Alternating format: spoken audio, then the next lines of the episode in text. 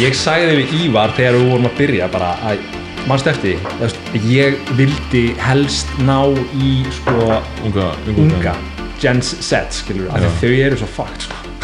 sorry, en það bara þetta er kynnslóðin sem að áttur að fara vest út úr hérna ef þau kaupa ekki bitcoin fjárhagslega og svo eru þau líka bara prógrameru til þess að þú veist, þau horfa á TikTok og það er bara tíu segundur skilur einmitt. Þau hafa ekki sansin til þess að og það er bara frábært að heyra að un, ungt fólk þetta er bara long form magna podcast. maður. ég er bara Það þarf átt ekki nema einmitt einn aðilega sem að nefnir eins og hann og bróður sem að hefur nefnt við hann Bitcoin veist og, og þá það bara byrjar þetta. fara krakkar átt að hugsa. Já. Síðan þegar kemur áhugi þá eru bara krakkar bara þeir læra svo mikið sko. Ef það er áhugi. Já, þá geta þau bara kafað og bara bara endarist af vitnisku sem ég geti sangað að sér sko. Akkurat. Það er líka svo áhugast að hugsa um þetta. Þú veist, ef maður sér fyrir að horfa gegnum bitcoin-linsuna á, þú veist, fiat mentakerfið og þetta er allt svona, þú veist verið að sjúa lífur fólki svona svipa og bara með peningin, sko. Það er, já, nákvæmlega, það er einmitt eitt af því sem ég hefur henni hugsað og ekki mikið um en finnst ótrúlega áhugavert að spyrja sig sko, hvernig hvernig myndi Ísland líta út á Bitcoin fæti. Já, einmitt. Og hvernig myndi Íslandst sko mentaumhverju líta út á Bitcoin fæti? Íslenskt atvinnulíf. Akkurat. Íslenskt sko fjölskyldulíf. Já. hvernig myndi ungt fólk byrja að plana þú veist að byggja fjölskyldu og svo framvegis? Akkurat. Íslensk stjórnmál. Einmitt. og ég held að við sem að höfum áhuga á Bitcoin eigum heilmiklega vinnu eftir að velta þessu fyrir okkur sko af því að þetta hefur aldrei verið gert.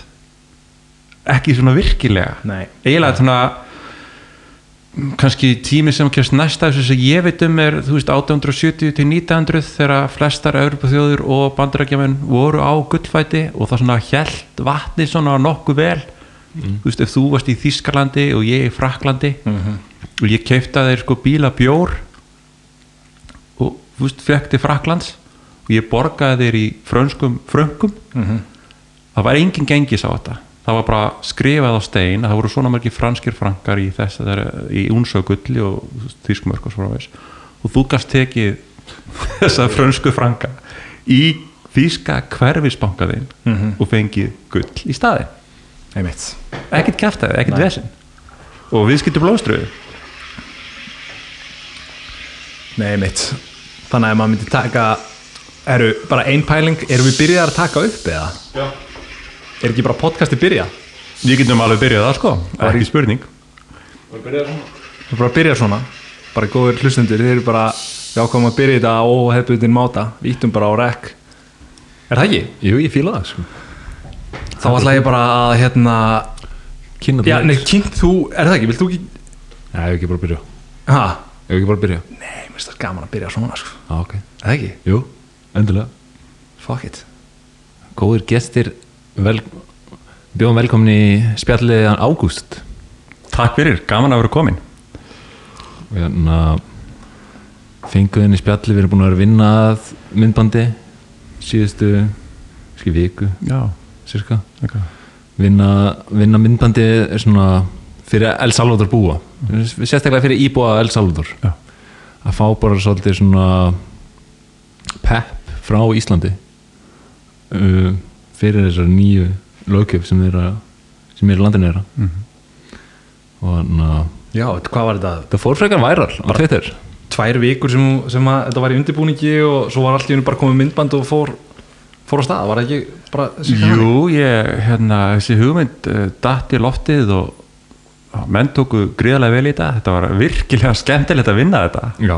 alveg frábært sko. Og, Góður hópur. já, skemmtilegur hópur og, og hérna það að upplifa það að við hér upp á klaka getum haft áhrif, getum kvart fólk að út í heimi. Það er alveg dásalega tilfinning. Algjörlega. Og líka það sem að mér fannst vera alltaf merkilegt við þetta var það hvað þessi hópur var fljótur að framkvæma þetta? Já. að því að ég var bara í dag á Twitter ég man ekki hver var skrifið en það var eitthvað sem var eitthvað að segja hvað er langt í að hérna alþingis eða þess að stjórnmálflokkar verða með Bitcoin á stefnusgrá og ég sagði að það mér þætti mjög líklegt að erði bara næstu kostningar 2025 og ef að við þú veist þetta voru einhverju 10-12 aðalega sem tóku þátt í þessu framtaki þú veist hversu fljótir heldur við verðum að eða bara einhverjir, ég veit ekki hvort að við myndum gera en bara að einhverjur hópi sér saman og búi til einhvers konar hóp til stuðnings þeim stjórnmálamönnum sem vilja bjóða sér fram mm -hmm. alþingiskostningar 2025 Já, nákvæmlega, nákvæmlega. þú veist, tæknin er til staðar fyrir fólk að uh, koma saman og búa til alls konar hugmyndur og hreyfingar og ef við viljum framkvæma þá gerum við það hratt. Þannig að þetta var svona án þess að setja eitthvað hérna uh, skugga á, á þetta getja El Salvador verkefni en ég bara svona, ég byrjaði strax að hugsa um bara wow, mm -hmm. náðum við að gera þetta vel og hvað getum við gert næst? Þetta er mjög góða punktur svolítið að nefna því að sko, ég hugsa gríðarlega mikið um málfrelsið. Sko Bitcoin eh, segir margir að sé veist, frelsispenningar frelsistækni. Og uh, við tökum smá út út úr og þá er auðvitað að raukstega það að því að um leiðu tekur í burtu efnaðslegt frelsi og þá fylgir pólistist frelsi í kjölfarið, þú veist, það, það er minkar eða hverfur ef þú tekur efnarslegt frelsi í burtu. Og þegar þetta tventi farið þú, þú ræður ekki yfir eigin efnahag, þú ræður ekki almennilega yfir eigin skoðunum hvað er þá eftir? Og því miður held ég að okkur sjáastundum yfir hvað og hversu mikil áhrif peningaprentun og, og, og fíat og, og skulda súpan sem við höfum lefað og ræst í hversu slæm áhrif þetta hefur haft á þessi grunn atriði eins og málfrelsi. Um, eitt upp á stæmi mitt er sko í stjórnarskrá Sovjetríkjana var skrifað að það veri fjölumila frelsi. Þannig að þú gast setið sem bladamöður og myndi á það stendur í stjórnarskranu að ég hafi leifið til að skrifa. En svo voru óvart allir fjölmiðlarnir í eigu ríkisins. Einmitt. þannig að þú gast ekki fyrir að skrifa eitthvað gegn eigin eigundum mm -hmm. og þarna sér þau hvernig veist, efnaðslega frelsi þú veist, þetta að þú átt ekki fjölmiðlin það hefur áhrif á hvernig þú getur tjáð þig mm -hmm. skilur einmitt. En en þetta með El Salvador þú veist að við hérna á Íslandi við getum við getum nota rödd okkar til að hafa áhrif. Og við hérna nokkri duttur upp að klaka taka sér saman, gera eitthvað svona skiptum máli. Mm ég hugsaði dálítið út í hérna ég var mjög lítill þegar þetta gerist en Ís Ísland hérna uh, stutti tillegur stjórnvalda í hvaða landi bara Lettland eða Litáen ég rugglaði um alltaf saman. Já. Lettland, Litáen, Ísland ég held að það hafi verið Lettland til þess að vera sjálfstætt Já. ríki. Og ég man alltaf eftir því þegar maður, þú veist það kom oft upp eitthvað svona í fréttum þegar maður var lítill og Íslendingar voru svo stoltir af þessu að hafa uh, notað rödd sína til þess að hjálpa þessu ríki. Og þau voru sömu leiðis gríðarlega þakklátt Íslendingu fyrir þetta þannig að ég hugsaði dálítið um, um þetta þegar að við vorum í, í þessu El Salvador verkefni sko. þannig að, jú, maður getur ekki neita því að, að það, það er pínlítið gaman að st- styðja við aðra þegar maður hefur tækifæri til þess Já. Og ég held að þetta sé líka það sem við þurfum að í huga hvernig við byggjum upp heilbritt bara mannlegt samfélag. Veist, við búum öll í þessari veröld. Og sjáum þessi tref við upplifum rigninguna og, og við tökust á þennan veruleika. Og það við allt saman sameigilegt óháð því hverju við trúum um veröldina sem er í kringum okkur. Mm -hmm. einn er samfærður um að byggjum hans sé bara bull uh, eða eitthvað allt annað einhver annar trúir gröðru svo kemur bara í ljós hversu vel hugmyndur okkar passa við veruleikan Einmitt. skilur ef ég er samfæður um það að hurðin á þessu vegg sé hér og ætla að hlaupa út þá meiði ég mig, af því að hurðin er ekki vinstra megin, heldur en hægra megin. Akkurat. ef hugmynd mín passar ekki við veruleikan þá veldi ég sjálfur mér og sennilega öðrum skada og þess er svo mikilvægt að það var þetta málfrelsi að við tölum um þessar hugmyndir og tökumst á við það hvaða hugmyndir virkilega eru réttar. Í þeirri von að bestu hugmyndirnar stíu upp á yfirborðið og nái áhrifum skiljiði? Og ef við hættum þessu veist, þá bara getum við eins kasta teiningi þá bara já, ég bara finnst þetta að vera rétt og ykkur öðrum finnst þetta rétt.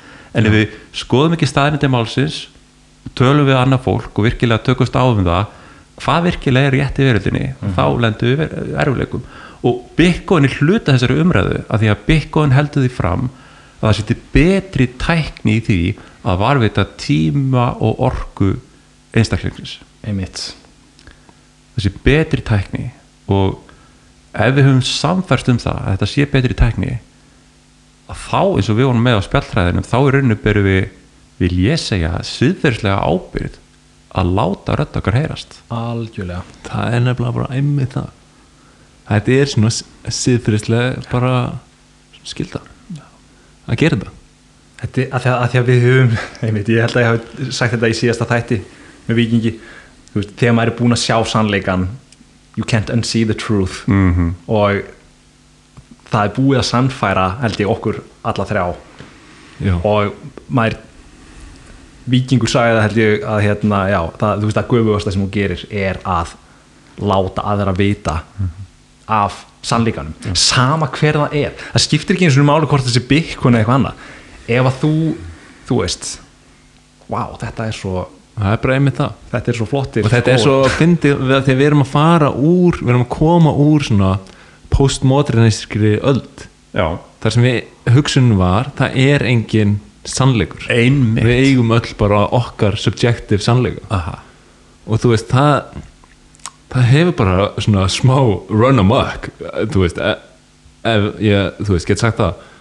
Og maður sér það bara svona ég, sé, ég teki sérstaklega eftir list. Mm. maður sér það svo augljóst í list. Bara hvernig hún hefur þú veist, verið að formast og svona undir þessum postmoderniskra hugsun að það er ekki sannleikur þá er bara svona, það var frækt aðeins með að var banani teipaður á vegg á listasamni og allir voru bara wow, horfa á hann. Og hvað þetta væri magnað, þetta var, þetta var eitthvað stönd Já, einn gæði sem setti bananum á vegg. Svo var einhver sem tók hann að borða hann. Já, það var ann, ég held að það hafi verið listgjörningu líka sko. þá, þá bælum maður, þú veist hver, hvor kemur á undan, er, er það fíatin sem gerir þessu hugsun skilur því að, að því að grundtóli í samfélaginu okkar Já. er hægt að make a sense þetta er áhugavert. og þú veist, kemur listin með og núna þegar Bitcoin kemur er að fara að koma svipi bilding veist, sem leiðir inn í samfélagi list þetta Menningu, allt. bara, já, algjörlega. Hver- hver- hversu djúpt ná áhrifin? Ég, ég, hérna, þú veist eitt um þetta er það að, þú veist, hvar varð postmodernisk list til? Og það var hérna hann hafi heiti Henry Duchamp sem að gerði listaverk sem var, sem sagt pissuskál, það sem hann skrifaði sem sagt, með pensil á, ég man ekki hvað það var það var eitthvað svona mött, eitthvað svona hundur eða eitthvað. Og hengdi það upp á listasýningu. Og þetta hefði náttúrulega aldrei verið gert áður. Listaverk voru bara málverk og, og fa- falleg list. Hann gerði þetta listaverk held ég árið 1919 ef ég manna rétt. Mm. eða 1917 og þetta er í kringum þann tíma sem að hvernig var seinni- fyrir heimstyröldin þetta er bara á þeim tíma þar sem að peningar eru að hérna eðilegast í raun og veru. Mm. fíat er að verða til. Bretar eru á þessum tíma að prenta pund alveg vilt og galið og fá bandarækjamenn til að prenta dollara af því að þeirra breta byrjuð að prenta fór gu- gullið að flæða fór bretandi til bandarækjana og þessi peningabreytum bandarækjamanna leiti að sér svo hrunið 1929 eins og þú ert að En þetta er mögnu kenning, ég hef aldrei þetta aður og ég sé að vera mjög áhvert að skoða þetta. Einmitt, hvernig þessi peningabrendun fer að uh, hafa þessi áhrif að þú þú hættir að hugsa um að eitthvað sé fast í hendi. Já, einmitt. Þetta er eitthvað svona subconscious dot döðans af því að ég er Já. alveg sem að hann er ekki að hugsa um peningaprentur sem maður en þetta er bara alveg eins og Bitcoin fólk talar um að þú veist, Bitcoin breytir því hvernig þú hugsar. Mhm. ég er alveg vissum að þegar að þú veist, undirliggjandi grunnur samfélagsins Mhm. eru alltaf peningar og þegar að það bjagast Mhm. skyndilega þá bjagast hugsun Já. fólks Já. þannig að það verða til um, svona expression Já. einstaklinga sem að kemur út í eins og einhverjum pissuskálum hlutin verða absúrt þegar þú þarf að taka hjólburur fullar af seðlum til að kaupa brauð í hátíðinu það, það getur af sér ákveðna fyrringu einmitt. Og þegar að búið er að þannig rinni hvað, hvað maður að nota orð sko, það er búið að lýsa algjörlu frati á virði þitt sem einstaklings og tímaðinn það er búið að segja að tímiðinn sé bara þú veist einskis virði eða, eða hann er algjörlega vanvirtur. Því þegar stjórnvöld prenta peninga þá verður því raunin að ræna af þér tímaðinu einmitt. Ekki satt? Jú. Jú, en þú veist, ef við getum færið bara að kafa aðeins dýbra onni það algjörlega. Það er, þú veist, að peningar eru þetta tól til að geima orku og tíma. orku og tíma. Þú senda það inn í framtíðina. Þú sparar pening þá ertu raunin að senda það inn í tímaðinn þannig lagaði orkuðina inn í framtíðina. Já, við erum til þess gerðir að værum ekki með peninga og þyrftu að þyrftu að, þú veist, í raun og veru eigða eigða því strax eða Já, og það er svona það sem að Fiat kerfið vil mótifar okkur til að gera að, að eigða peninguna strax. Og kenningin er svo þá erum við hagkerfið og, og allt þetta. Og ég er náttúrulega ekki hagfræðingur en ég er meira kannski siðfræðingur og guðfræðingur og ég spyr svona grundallta spurninga eins og veist, hv- hvað er að vera maður og hvert er veist, virði þess að vera manneska Þú veist, og, og þegar að stjórnvöld er í því að ræna tíma þínum skilur við mm hvaða dæmi höfum við í mannkynnsugunni um það það sem að tím, fólk á ekki lengur sinn eigin tíma? Hvað er svona típist dæmi um það? Svona, þú getur bara tekið öll svona totalitarian, bara nasist að taka gýðinga þú veist að taka tíma fólks. og þrælahald. Þræla haldi á þegar að fólk er meðhundlað ekki svo einmitt.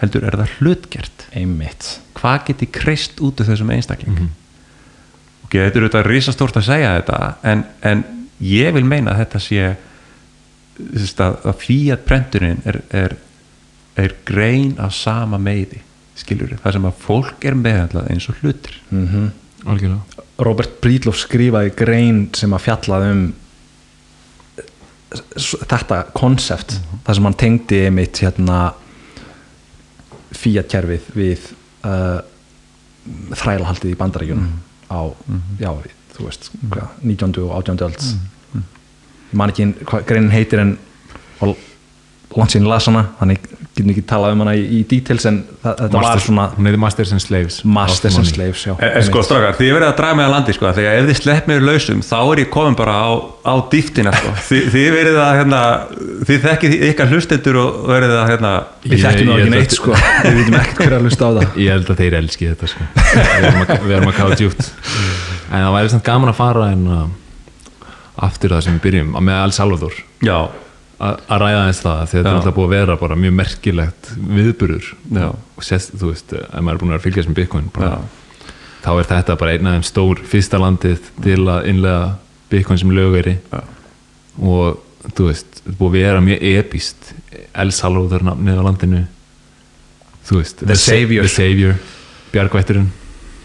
Og, og þú veist Bukele að hérna, rósta IMF á Twitter Einmitt, og setja upp laser eyes Já. og allir í hérna, á alþinginu þeirra skilur þetta er bílandi súrealist Þetta er búið að vera bara svona, svona airway simulation hérna.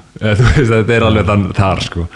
en, en, en síðan kemur svona hinpollin í það og, og það var hérna, og við vorum um ræða spjallinu hérna um daginn og það var að Bukele er, er núna búin að lengja sem sagt, um, hvað fórsetið má sitja mörg kjörtimbil Ég vissi það ekki þú veist það ekki? Nei. það, er, ge- kom nýlega í gegn. Hvað er kjörtöðubili, hvað er það, fjögur eða fimm ár? Já, og þú máttu bara setja eitt. Það er eitthvað, er ekki kláraði fjóru eða fimm? En þú má- þú máttu bara setja eitt. Og hann að hann er búin lengi það núna. Já, það er náttúrulega, ég man að þegar að svona fyrstu fréttir um El Salvador og Bitcoin lögurinn fóru að berast á komu uh, fréttir frá svona þessum hefðbundum miðlum sem eru oftast gaggrinir á, á Bitcoin þá voru þeir að svona í að því að hann væri uh, svona uh, Einræðis týpa. já, ein, einræðis típa sko og hérna maður hefur nú verið að fylgjast með, með og, horta á hann í viðtölum og, og hérna og fylgst með þessu, ég veit ekki Ívar, hefur hún einhverja tilfinningu fyrir þessu? ég er svona, þú veist, allt sem hann segir er svona, þú veist ég er svona, já, en þegar ég svona, fysiódium eð, uh, ég er ekki alveg mórið en þegar lítur á hann. Hvernig er hann svona bersig hvernig hann ber sig, Já. hann er svolítið með svona, þú veist hann vil, hann vil power, eða veist ég, ég, ég, ég skinja það, sko. Hann hann er svona power, veist, hann, vil- hann vil fá power, sko. En ég held að sko, El Salvador eins og hann lísti þessu uh, ástandurinn í landinu, það er rosalega mikið um glæpagengið þarna og þú veist þetta er örgulega mjög mikið stál í stál samfélag, þetta er ekki bara hérna, samfélkinga móti sjálfstæðflokkinum og hver vinnur hérna alþingi. Það er örgulega gríðalega mikið eitthvað svona sem gerist undir uh, undir teppinu, eða hvað sem maður? Það sem að maður veit ekki nákvæmlega hvað er að gerast sko, maður verður bara viðkjanna, maður hefur ekki Þetta, já, eftir að koma í ljós veist, við, við sjáum það að við skoðum bara líf einstaklinga að því meiri völd sem einstaklingu fær eða því meiri já, völd og peninga og þess að það því meiri þrýsting setur það á karakter viðkomandi. Þannig að gallar hennar gæðslega í karakter fólks getur ímyndaður eins og sprungu af í húsgrunni. Hún kemur ekki til ljós ef þú ert búin að byggja eina hæð ofan á. En ef þú ert búin að byggja sko 5-10 hæðir þá verður þessu sprunga stórkostlegt vandamál. Þú veist, kannski eigum við eftir að komast að því að hann valdi ekki umbóðinu og, og, og, og því þeim aðstæðum sem að hann, hann er komin í en, en vonandi veist, og enginn allavega er fullkomin allir gera bæði misefnaða hluti eða slæma hluti og, og góða hluti veist, og vonandi bara verður hans uh, áhrif til þess að það verður til góðs fyrir fólkið í El Salvador mín Algjörlega. uppáhalds frétt af El Salvador dæminu var á Twitter. Ég held að það veri Alex Gladstein eða eitthvað sem að setja á Twitter þar sem að eitthvað gaur var með reikningu höndunum sáu þetta? Og hann útskýrði að fyrir Bitcoin þá þurfti hann að taka reikningin fara upp í rútu og vera klukkutíma í rútunni standa í byrjuð, borga reikningin og taka rútunni tilbaka. Og þetta tók hann þrjáð klukkutíma. Nú gæti hann tekið síman skannað QR-kóða eða eitthvað og borgaði reikningin á, veist, inn yfir 30 sekundum þetta er frábært. Einmitt. þetta er tækni sem á eftir að umbylta samfélaginu. Já. Ætli það var oft talað um sko, hversu mikil sparnaður verður að fyrir El Salvador búa að hætta að nota hérna Western Union og eitthvað svona til þess að senda peninga þú veist þetta, ó, þetta bætir bara hérna nokkrum prósentum við GDP hjá þeim sko. Að en voru- maður tala síðan ekki eins og um þetta. Þú sparnaðir nú tíma. Það sem að þessi einstaklingur getur farið og, og skapað eitthvað virði fyrir samfélagið. Og svo þetta stærsta ég vil meina geta orðið þetta stærsta og þið hefur náttúrulega talað um þetta í podcastinu eitthvað strákar en það er veist, sagan sem ég segi og ég er náttúrulega að býja þessu sögu til en þessi saga er samt að spilast út sko hjá miljónu fólks um allan heim. Það er duttin sem á sko tíu börn býr í borg í Suður-Ameríku og hann vinnur sko 12 tíma dag baki brotnu og rétt nær kannski að brauðfæða fjölskylduna með því að láta börnin vinna líka. En hann býr við fjölfærin gatnamót og hann sér að ef hann geti keitt sér vakt til að selja ís þá geti hann þrefaldað ástökju sínar eða meira. En vagnin kostar kannski allt það sem hann aflar á einu ári. Ok, eins og kannski 70% íbúa í þessari borg þá hefur hann ekki aðgang á banka. Hann getur ekki gett gull, hann getur ekki gett hlutabrjöf hann hefur enga leið til að spara og verja sig fyrir verðbólkinu eina leiðin fyrir hann að spara er að ná sér í niðursöðudós og byrja að setja pening á hann í dósina. Segjum að hann geri það og kannski er hann heppinn og er búin að spara fyrir upphæðinu eftir þrjú ár. Segjum að ísvagnin hafi kostað tíðuskall þegar hann byrjaði að spara. Ok, tíðust íslenskar. Hann er búin að spara tíðuskall eftir þrjú ár. Á meðan hjælti ríkistöndin áfram að prenta peninga með 10-20% verðbólgu. Það þýðir að ísvagnin kostar ekki 10 ekki 12, ekki 15 heldur kannski 18.000 krónur þegar hann er búinn að spara í þrjú ár þá þarf hann aftur að byrja að spara. Hann nær aldrei að kaupa og útfara þessa hugmynd sem hann gengur með í maganum sem getur orðið til þess að fjölskelda hans kemst út úr ára eða sest, kynnslóða einmitt. þetta er, finnst, fyrir mér er risastórt atrið Já. og þegar fólki El Saldur allt í núna þá bara fara frelsi og þetta frelsi til að velja hvort þú vilt nota bitcoin eða halda bitcoin eða nota, halda á dollar það er hvatin að því að, að, og, og aflið í því að, að þetta muni virka. Já, algjörlega. Og, og bara svona fyllum hans miklu von bara hvað það getur gert fyrir þessa íbúa. En að fólkið í El Salvador þekkir verðbólgu. Fólkið í Argentínu þekkir verðbólgu. Við Íslendingar þekkjum verðbólgu já, af hverju er þá ekki fleiri á okkar vagni? Það var, það var sko Það langt ári, sko ég er þannig það gamalt strakka sko 74 var 40% verðbólga á Íslandi. Já, Vistu, 1985-6 þá fór hún upp fyrir 70% Þú veist. Einmitt, ég, sko, ég man, mamma og pappi töluðu um það að þú veist, þau keiftu sér vídeotæki að, ekki að því að þeim mantaði svo mikið, það var bara vegna þess að þau þurftu að kaupa sér eitthvað fyrir peningin þarna í byrjun nýjunda áratugar. Annars án þess upp. myndi hann hérna Brenna já, brennu upp. Þannig byrjaði mín bitcoin vegferð. Það var bara senasta haust. Ég fór bara að velta þessu fyrir mér og hugsa bara ok ef ég ætlaði í dag núna að fara að verja mig fyrir verðbólgu hva, hvað get ég gert? Og ég fór svona bara yfir listan í hugunum Þú veist, á ég að kaupa hlutabrjöf jú kannski og ég vissi eiginlega ekkert um bitcoin á þessu tíma. Ég, og svona jú kannski en, en ég hafði svo hafði svona grunum að hlutabrjöfmarka væri frekar útblásin sem að ég hugsaði sé en ekki taka það sem hérna, Financial advice. regla, reglu gerðu þína eigin rannsókn. Svo hugsaði ég mig geti kipt gull. Jú, Costco var að segja gull allan daginn, veist, ég get keift gull hjá okkur um enga aðalega í Sviss en hann þá, ég þarf að borga honum fyrir að geima gullið. Og ef að eitthvað virkilega alvarlegt gerist þá er ég bara sviðin því að gullið er í Sviss og ég þarf á örnum að halda. Og ef ég kaupi gull og hef geimið það heima hjá mér þá þarf ég að fara að kaupa með peningaskáp og fara að verja gullið og sofa stressaður og ég vil það ekki. Einmitt. Þú veist og ég þarf að fara að kaupa húsnæði? Það er svona klassíska íslenska leiðin að setja í steinsteipu einmitt kannski á ég ekki pening til að kaupa allt húsnæði þá þarf ég að fara að taka lán. Og ég vil það ekkert endilega. Það er ekkert margir mögulegar nei, Nei, og hvernig dastu á þetta? Sko, ég skoðaði Bitcoin uh, 2011 ég bara skoðaði það ekki nú vel.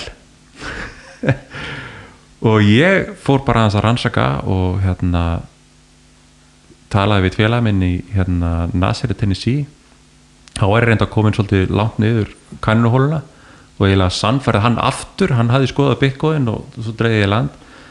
Svo fór ég bara að lesa og lesa og hugsa. Las uh, The Bitcoin Standard eftir uh, Sefidín mm og hérna ég er búin að missa tölu á hvað ég er búin að lesa marga bækur sko. Ó, uh, en hérna það er kannski það sem komið mest og óvart varandi Bitcoin. Það er hversu djúft þetta nær. Djúft hóla nær. Hún verðist bara að vera endalus og hvað þetta hefur djúp sko, heimsbyggileg áhrif siðferðsleg áhrif og, og, og þessar först, þessar grunn uh, reglu uh, prinsip eða það sem getur að kalla first principles. Það eru svona hlutir eða sannindi sem eru þannig að ef þú nær þeim réttum þá er svo margt gott sem fylgir á eftir en ef að þau er eitthvað aðeins skökk að þá hefur það svo slæm, viðtæk slæm áhrif. Einmitt. Þetta er svona bland af heimsbyggi og verkfræði skilur þú ert að, þú ert að brjóta viðfangsefni niður til þess að geta byggt góðan grunn. Já, já. Og meni, ég er svona þessi gaur sem að sko þú veist, hefur lesið og stútirað biblíuna. Og það eru svona grunn einföld grunnprinsip eins og þú skalt ekki stela annað prinsip er þú veist, ef þú er með svona vog og viktir ekki ruggla í vógin og viktinni þú veist. Og margir þú veist hlæja mörg af því sem er í biblíunni en þetta er svona dæmi svona grunnprinsip sem er þannig að ef við krukkum í þetta ef við rugglum í þessu þá hefur það viðtæk slæm áhrif við mannlegt samfélag. Og ég er auðvitað að benda það að það að prenta pening úr engu það er einfallega stuldur mm. -hmm. þið þú ert að hrifsa til þín verðmæti úr einu vasa og setja þau í annar vasa okkar maður Jésu, hann hérna refsaði peningaskipturunum var það ekki? Jú, það var í samingi þar sem að hann, það var svona svæði fyrir þetta mustrið sem var kallað hérna, musturisgarðurinn og, og þetta var svæði sem átti að vera tekið frá fyrir þjóðirnar til að koma og byggja og leita Guðs þegar Guðs upphæðlega plan var alltaf það að Ísrael átti að vera svona ljós fyrir þjóðirnar til að benda þeim á að það væri til betri leið skiljiði -hmm. og þess að var Jésús semlega sérstaklega ósáttu við vikslærana og gaurana þarna þegar þeir voru búin að breyta stað sem átti að vera gríðastaður til þess að geta komið til þess að byggja og finna Guð. Voru búin að breyta því í þessa maskinu. En heldur að það hafi verið tilviljun að sagan ja, þú veist það fyrir eftir hvernig þú túlkar bibli, ef við erum að fara að tala um biblíuna. En, en, mjög stöður samt áhugavert. Ef maður tekur biblíuna ekki bókstaflega og lítur á þe þessa sögu sem, sem þessa dæmisögu, þú, þú, þú, meinir raunin að þetta hefur ekki gerst raunverulega. Já, já, að þá er þá, þá er, nú, þá er hérna sem sagt, the money changers þeir eru settir í söguna. Sem slæmir. Sem slæmir. Og líklega af ásettur á þig þú veist, annars hefur þeir bara geta sett hvað sem er skilur Jésu talaði reynda gríðarlega mikið um peninga og eignir þegar maður fyrir að skoða það. Þannig að það er að taka það alveg sér þátt um það sko. Gera það sko. Og reyndar, ég veit ekki hvort þið lesið bara sögur rómverska heimsætlisins sko en, en því miður læru við það ekki í sögukursunum okkar hvernig útþynning rómverska gjaldmiðlisins stuðlaði að falli rómavelsins og þú getur rekið þá sögu með því að skoða hvernig fyrstu, fyrstu rómversku peningandi voru að þvotta ekta gull Einmitt. og við lok og fattur rómaveldis ertu komið með ódýra kóparskildika hann er blæmið þannig maður. Coin clippings og svo sound money. Ja. það, það, það, það er basically hljóðið var öðruvísi í kóparnum og þeir voru að klippa. Já, sound money, þess vegna já, það já. að heyra á hljóðun Já, Já. menn létu gulli detta og þá Nei. gastu heyrt hversu reynd það var. Wow, ég, maður, viss, ég vissi það ekki. Og svo fyndu menn gullpeningana út að þú varst með svo heppin og fegst nýst legna peninga og settur það í póka og hristir þá eða fórst með þá í langar reyðtúr á, á hestinu þínum til að reyna að hérna, sverfa þá niður. Eða tókst þjöl og varst að sverfa þeim búninnar einmitt. og þannig gastu í rauninni fengið smá salla af gulli. Einmitt. Einmitt. Þannig að þessi peningabrendur sem við búum við í dag hún er ekkert nýjundu sólinni. Nei. menn tala eins og quantitative easing sem er fræðið huttakið við það að, prenta peninga inn í, inn í kerfið.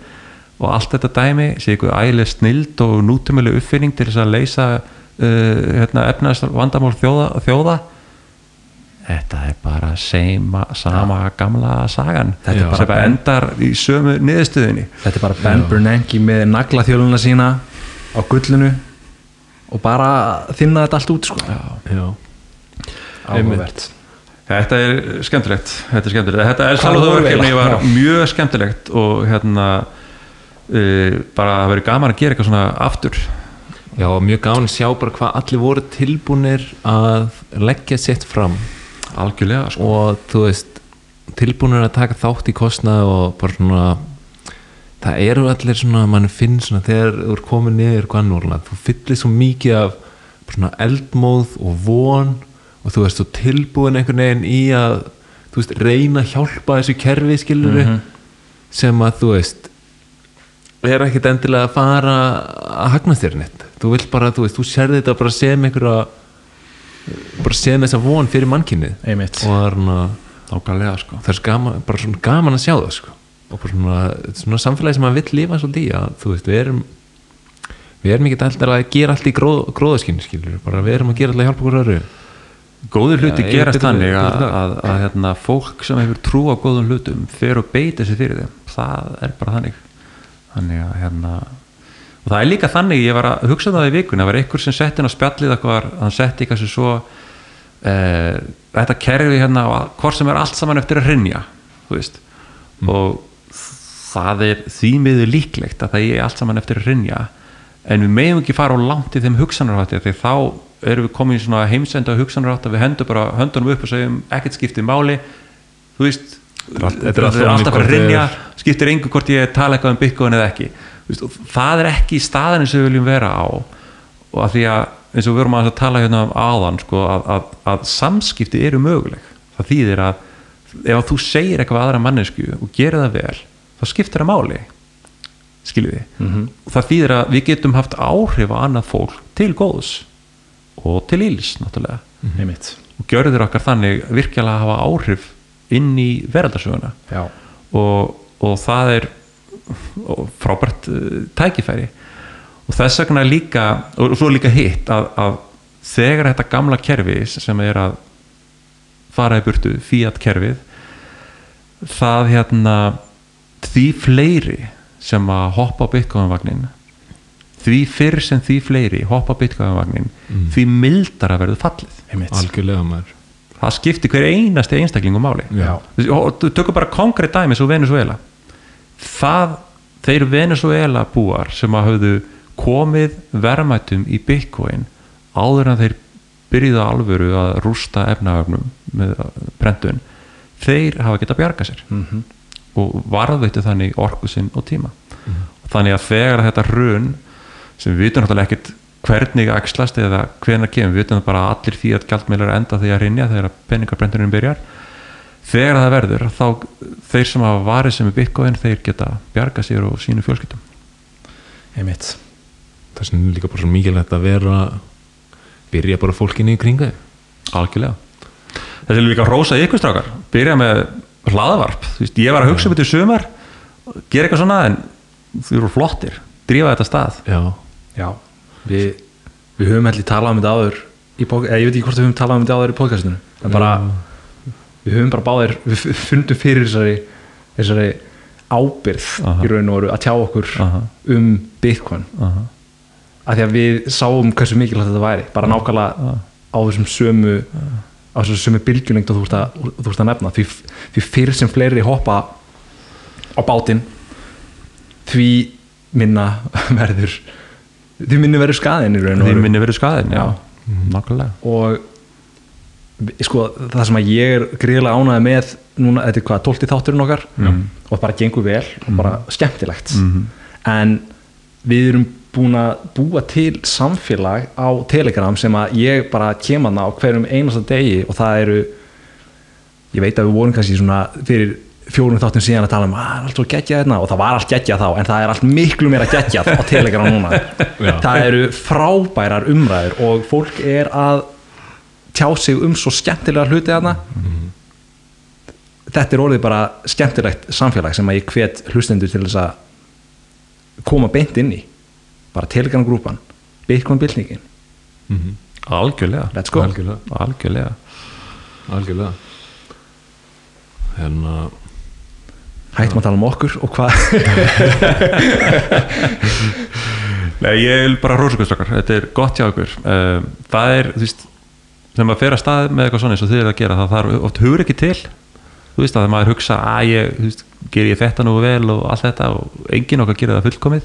Nei, en með því að stíga út, gera þetta þú veist, það skiptir máli. Þannig að bara thumbs up. Já, takk fyrir það. Vandaði pínlítið efni á íslensku.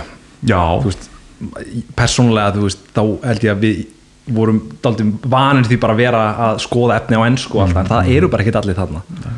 Nei og maður gefur sér líka eh, þú veist maður er svona átt að segja ekki ofta á því hversu svona ítla fólk skilur um, hugtök á ensku sem var það kannski hagfræði Já, og peningafræði og, og, og þú veist hugbúnafræði. Bara hvað með góð, maður er sjálfur veist, sko. ég meina við erum stundum á Twitter að rífast eða ekki rökræða við hagfræðinga. Mm og þú veist, maður finnur alveg fyrir maður finnur alveg fyrir bara svona ok, þú veist þeir líta á okkur eins og við séum örgulega einhver algjörir smákrakkar einna skilur við að því við tölum ekki tungumálunni þeirra. Já.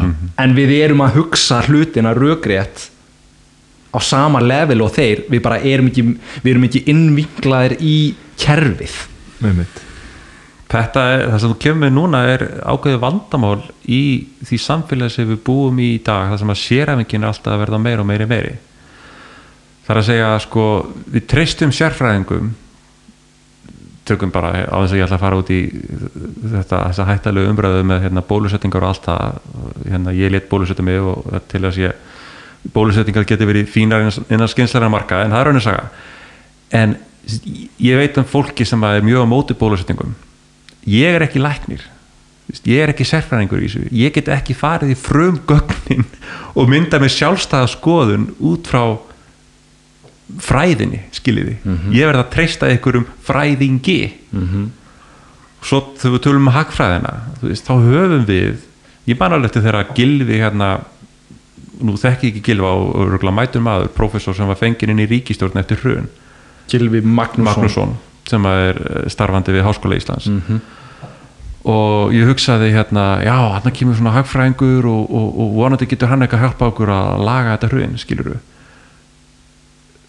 núna veit ég pínlítið meira um hagfræði og hugsa ég þessi ósamanlega gilfa í grundvallar atriðum það hvernig hún nálgast efnaðasmál þjóða af því að það sem ég lesið frá honum bendi til þess að hann aðeins þessari Keynes hagfræði sem byggir á þeirri furðulegu hugmynd að það sem geti, sem geti verið gott fyrir samfélag að prenta peningu úr engu og dæla það inn í hagkerfið.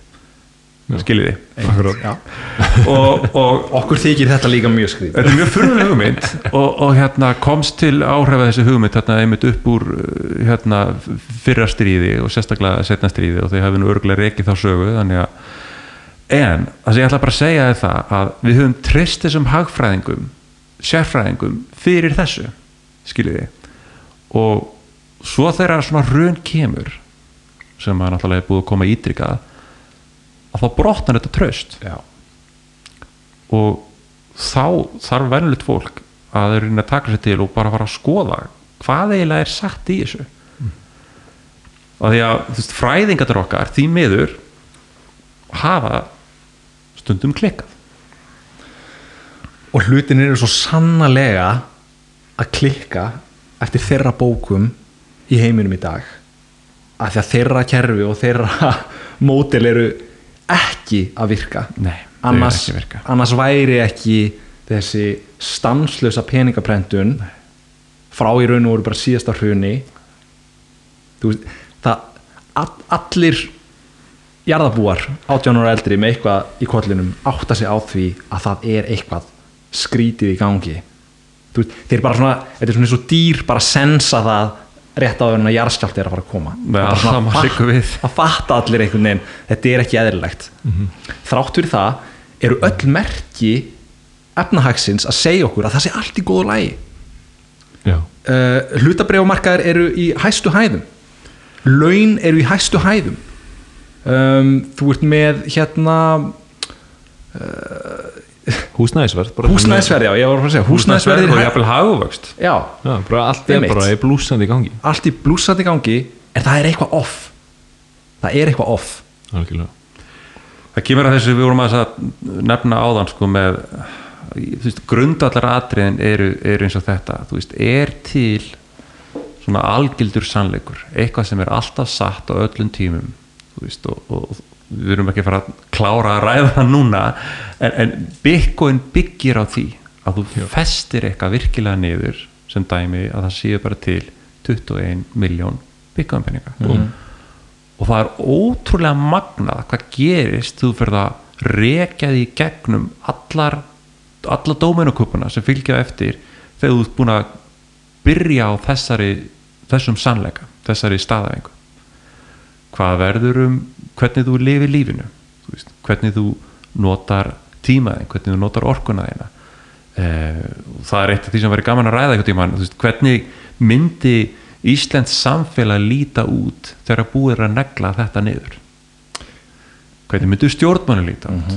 Hvernig myndi ákvarðanir ungs fólks um húsnæði, fjölskyldu líta út? Menntun, Þetta ég held að, allt, já, ég held að þessi stórkostlega vannmetið hvaða áhrif uh, þessi fiat hugsun og þessi uh, hugsun eins og þú veist að nefna áðan að þú eru að hlaupa til að köpa vídeotæki í staðin fyrir að geta sparað peningin ég held að þessi stórkostlega vannmetið hversu mikil áhrif þetta hefur haft á samfélagið okkar og hvernig við bara lifum lífinni Hva- hvaða ákvarðinu tökum við hversu, hversu mörg börn ég ætla að eiga hvað ég ætla að læra, hvað ég ætla að vinna og þetta er svolítið svona eins og fiskurinn þú veist fiskurinn sagði við hinn fiskinn sko hvernig er vatnið? Akkurat. Já, veist, fiskar tala eiginlega þú veist, þeir veita vatninu ekki aðtikli af því að það er alltaf vatna einmitt. einmitt. Ég veit að bara, þú veist hef lesið mikið um á Twitter að sérstaklega þessu nefnir sem hversu mörg börn ég vil hafa. Mm. Að það er eitt af þessu svona sem ég hef alveg tekið eftir Já.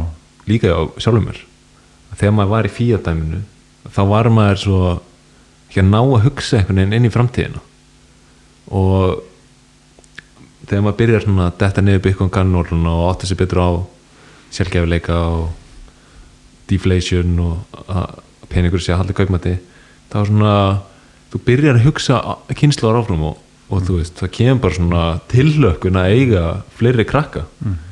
Þú veist, það er alveg bara svona ég fyndi þetta mjög stert og lesi á Twitter bara fjölmörg dæmi um einmitt það. Og það er svolítið, manni finnst í samfélagin okkar, þá er svona, þú veist það er, ég kalla ekki tísku en þú veist, fólk er alveg bara svona nei, ég vill ekki eignast krakka.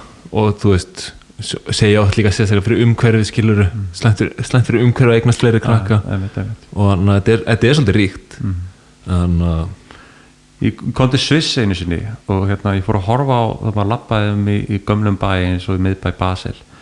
Kemur á húsum sem eru byggð kannski fyrir sko 300-400 árum síðan. Og það er svona eitthvað játvirki fyrir gluggalerana sem var smíðað í eldsmíðu sko fyrir 300-400 árum og, og svo eru þeir að grafa göng til norður Ítali og þeir segja sko göngin eiga endast í 100-200 ár sko. Og ég fór að hugsa um það sko hvað er, hvað er ólíkt við það hvernig svisslendingar hugsa og hvernig íslendingar hugsa?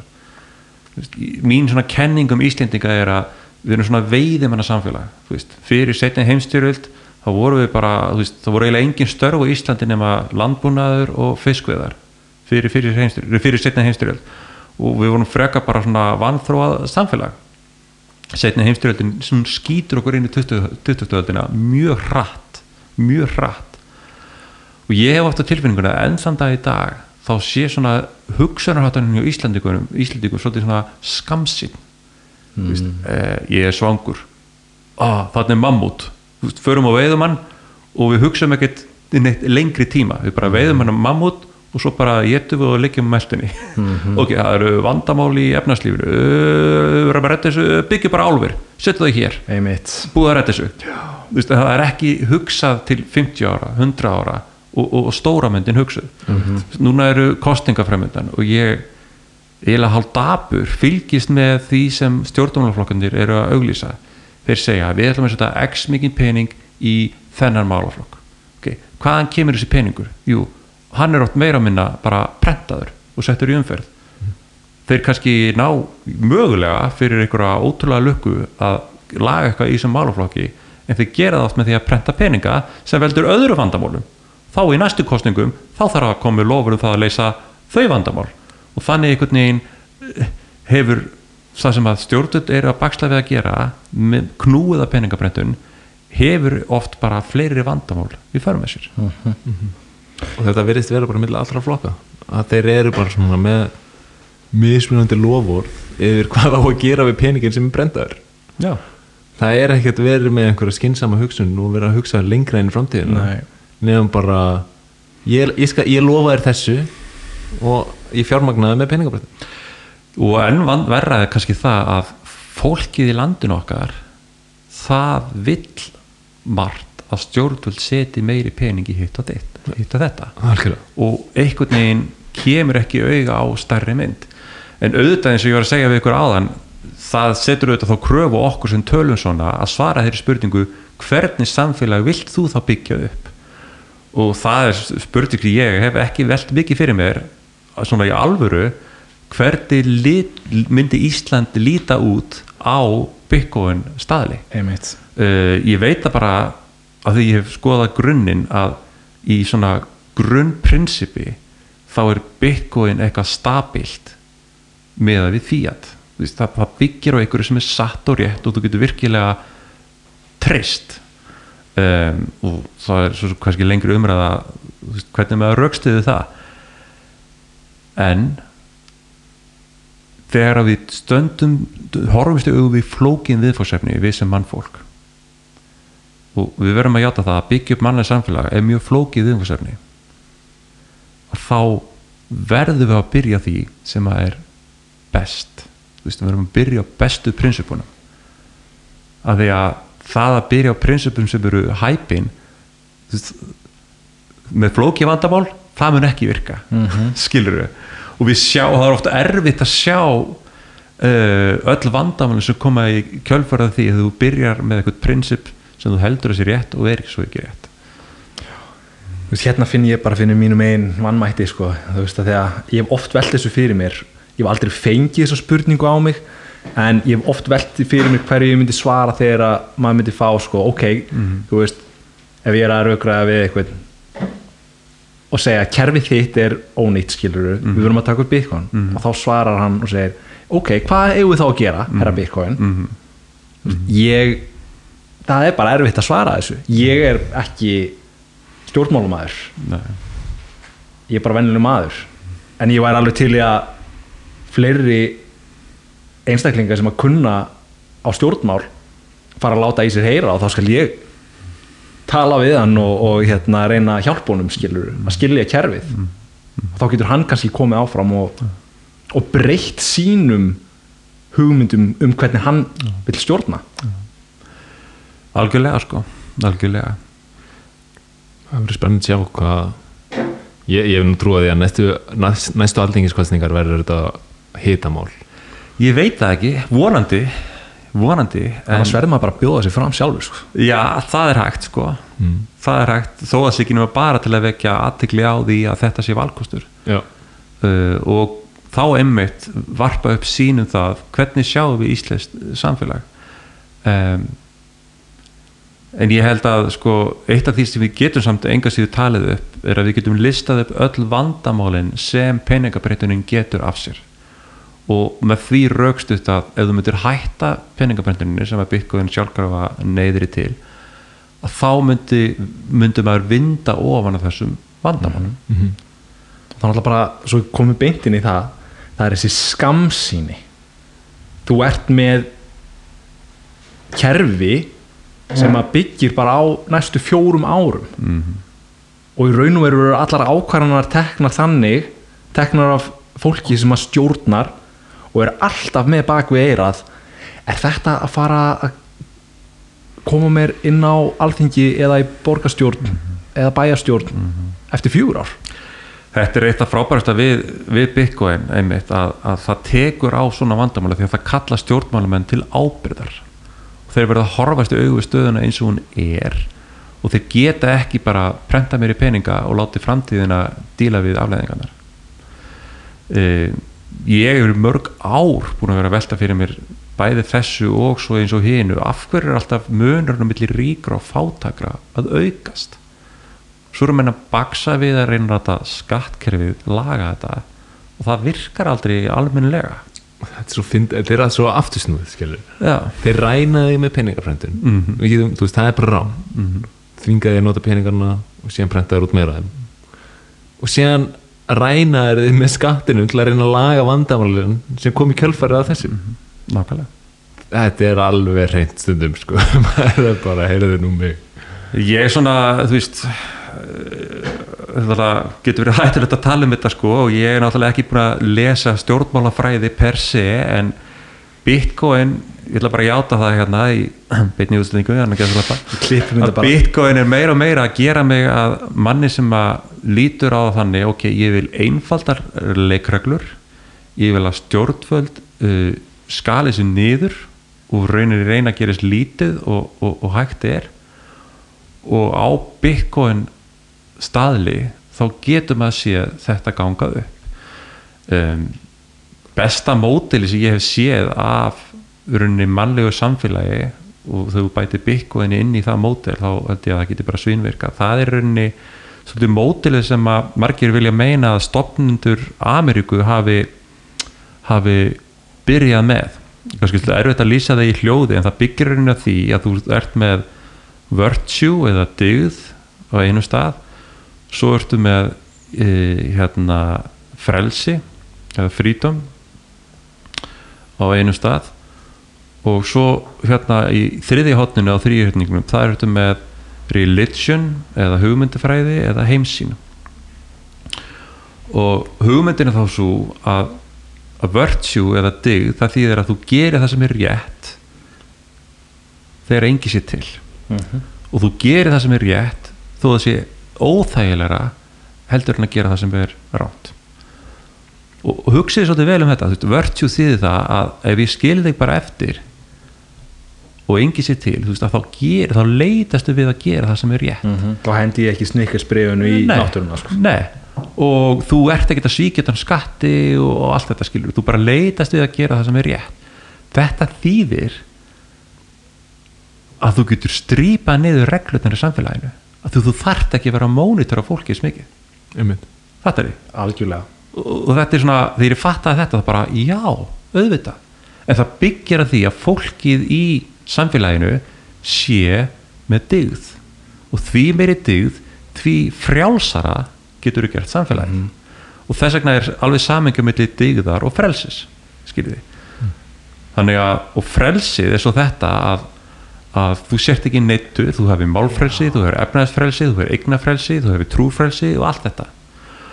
Og það er svo forsenda þess einmitt að þú getur haft trúfrelsi og, og, og hugmyndakerfið eða trú eða hvað þú kallaði það þess hlutverk er að byggja upp dygðina skiljiði og dygð er eitthvað sem að hvernig byggir upp dygð í einstaklingi? Þú veist, í, hérna, ef að þú fremur morð Mm. Þá get ég hendur í fangisi og látið taka afleðingar gjörða þeina en það breytir ekki endilega hjartanið þínu. Einmitt, skilur, það gerir þið ekki að dygðum einstakling. Akkurát og þess vegna meðal annars finnst mér Jésu frábæra því að hann neglir þetta. Hann neglir það að uppspretta ílskunar í alheiminum að langmestu leiti kemur úr okkar eigin hjarta. Já, ótrúlegt og það sem að ég hugsa um sko, að það er að tala um Jésu og, og, og kristna trú og allt það en ríki sem að ég hugsa um þegar þú kemur með hennan píramíta Aha. að því að hérna, virtue, freedom og religion um, að því að þú nefndi bandarækin sko, Mhm. bandarækin greinilega hafa feila þarna Já sko, peningaprenturinn sem þeir fara út í náttúrulega stuðlar að því að eiðileggja þennan grunn já, og hún kemur raun og veru ekkert við kannski svona, þeim sem voru að vinna stjórnarskránu og svona upp nei, nei. En þá var hugmyndi mín sko já ok, er þetta ekki bara svona eins og þessi klisa sem að, maður segir um kommunisman sko þetta er útrúlega fín sín en þetta bara virkar ekki. En með þetta virkar þetta. Það er ríki til í Asíu sem heitir Bhutan -hmm. og Bhutan er hérna þeir eru gríðarlega hérna, trúaðir. -hmm. Ég veit ekki hvort þeir séu búttistari eða hvað sko en það er stert hugmyndakerfi. Stert hugmyndakerfi gríðarlega digðugt af því að ég man að það, það, það voru veist, það voru aldrei verið fram í morðarna eða eitthvað skilur þetta er, þeir eru ótrúlega löglíðin upp á því góða sko. Og ég þekki ekki með hérna frelsi einstaklingsins þarna skilur en þú veist, þú getur þú getur farið í raun og veru í hvaða ríki sem er og bara aldrei svona móta þennan þrýhyrning við skilur, Singapur úf, það er allir rosalega löglínir þar en ertu með mikið já, jú, frelsi er reyndar alveg þokkalegt þarna, en þú ert er með stjórnöld sem eru alveg bara svona, þau svipaði niður að þú hendi tyggjónu sko. Já, einmitt, og, og það er náttúrulega maður verður að geta þess í þessum þrýrninga kannski er sko hugmyndakerfið eða trúabröðin eða religionið það er kannski svona eins og drifrásinn í þessum þrýrning það sem að kannski svona knýr hann áfram og þú getur verið með slæmt hugmyndakerfi og þú getur verið með gott hugmyndakerfi. Einmitt. hugmyndakerfi sem að veist, læsir konur inni og, og, og hérna uh, þú veist uh, hérna vill uh, múlbinda málfrælsið og, og allt þetta skilur það er ekki gott hugmyndakerfi. Einmitt. þannig að þess vegna skiptir svo máli að nota Bitcoin slókanið sko, don't trust, verify um hvaða hugmyndakerfi þú ætlar að nota til að skilja verutuna í kringu þig einmitt Já. Þú veist, ég hitt oft fólk sem að segir slengi fram einhverjum staðhæfingum sem það sá á Google skilur við, en það hefur aldrei skoðað staðrititin á það af hverju ætti ég trúa því að þetta sé satt Mhm. og þá er það að feila því að treysta einhverju án þess að verifæja það Akkurat. Svo við notum Bitcoin hugmyndafræðina. Einmitt. En í þessum þrýning er þá ekki þennan Bitcoin bara nýja religioni sem er af sér deyðina það er allavega sko spurning sko hversu langt getur við tekt Bitcoin í að vera hugmyndakerfi? Ég myndi allavega að segja að, að Bitcoin það sem sagt, þegar þú kafar ofan í það það virkilega færi til að hugsa. Já, það virkilega færi til að hugsa og það er byrjunum á því að endur skoða hvernig þú skilur veröldina. Já, við höfum örglega allir verið þar. Það er bara er algjörlega þannig. Maður hefur þurft að endur skoða allt eftir að hafa átt að segja á því hvað Bitcoin stendur fyrir sko. Við erum alltaf fannir að hljóma eins og okkur sko, hérna, trúarhátti þetta Já. í þessu spjallið okkar. En staðleikurinn er bara sá staðindin er bara svo að, að það eru svona grunnatriði í verildinu sem virkilega skipta máli. Mm. það skiptir máli hvernig við lifum þessu lífi. Algjörlega. Algjörlega.